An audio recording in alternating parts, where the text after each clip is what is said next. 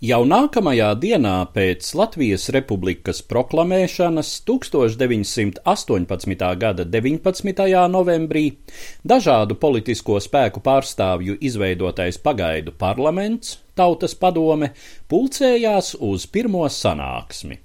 Galvenais dienas kārtības jautājums bija pagaidu valdības sastāva apstiprināšana. Valdības veidošana jau iepriekšējā dienā bija uzticēta agronomam un publicistam Kārlim Ulmanim. Kara laikā viņš bija aktīvi darbojies bēgļu apgādes organizācijās, bet pēc 1917. gada februāra revolūcijas Krievijā burtiski meties politiskās aktivitātēs, apliecinot apskaužamu enerģiju, lieliskas organizatora spējas un politisku tālredzību. Ulmaņa dibinātā un vadītā Latviešu zemnieku savienība dažos mēnešos bija kļuvusi par ievērojamāko pilsonisko partiju, tā lielā mērā bija virzījusi Latviešu Nacionālās padomes dibināšanu, kas darbojoties Krievijā, bolševiku varas apstākļos, jau kopš 1918. gada sākuma deklarēja kā savu mērķi neatkarīgas Latvijas republikas izveidi. Ulmaņa piedāvātajā kabineta sastāvā līdzās viņam bija vēl vairāki iezīmīgi vārdi. Ārlietu ministra amatam tika izvirzīts tautsaimniecības kandidāts Zikfrīds Anna Meijerovics, kurš nu jau vairākus mēnešus uzturējās Londonā un pirms nedēļas bija atsūtījis no turienes necerēti labu ziņu, ka viņa majestātes valdība atzīst Latviju par de facto suverēnu teritoriju. Vēl viens prominents kabineta loceklis, valsts zinību doktors, kādreizējais jaunstrāvnieks un sociālists revolucionārs Miķelis Valters.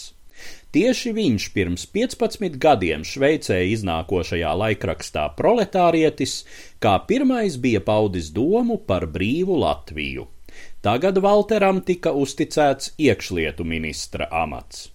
Pārējie inženieri, advokāti, kāds agronoms, profesionālu politiķu latviešiem tobrīd vēl bija ļoti maz. Tika izskatīts jautājums par to, kā darīt zināmu neatkarības deklarācijas tekstu visiem topošās valsts iedzīvotājiem. Vidzemē un Rīgā varēja saņemt laikrakstu jaunākās ziņas, kas todien veltīja neatkarības pasludināšanai pusi no savām 12 lapusēm. Kurzemniekiem un latgaliešiem 18. novembra paziņojuma teksts bija jādrukā īpaši, pie tam latgalē tika lietota cita druka. Mums šobrīd tik ierastie latīņu burti, kamēr pārējā Latvijā tolaik visu vēl drukāja gotu burtiem.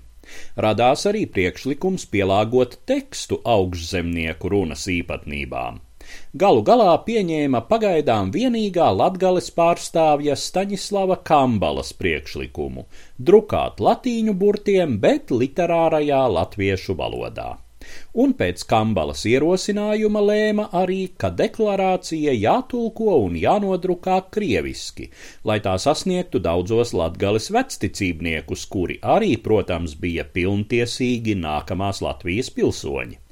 Tomēr visvairāk uzmanības 19. novembra sēdē nācās veltīt tieši iekšlietu jautājumiem.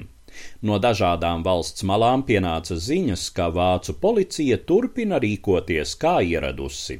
Izkrata latviešu organizāciju mītnes un dzīvokļus, meklējot pirmām kārtām ieročus un acīm redzami negribot pieļaut latviešu apbruņošanos.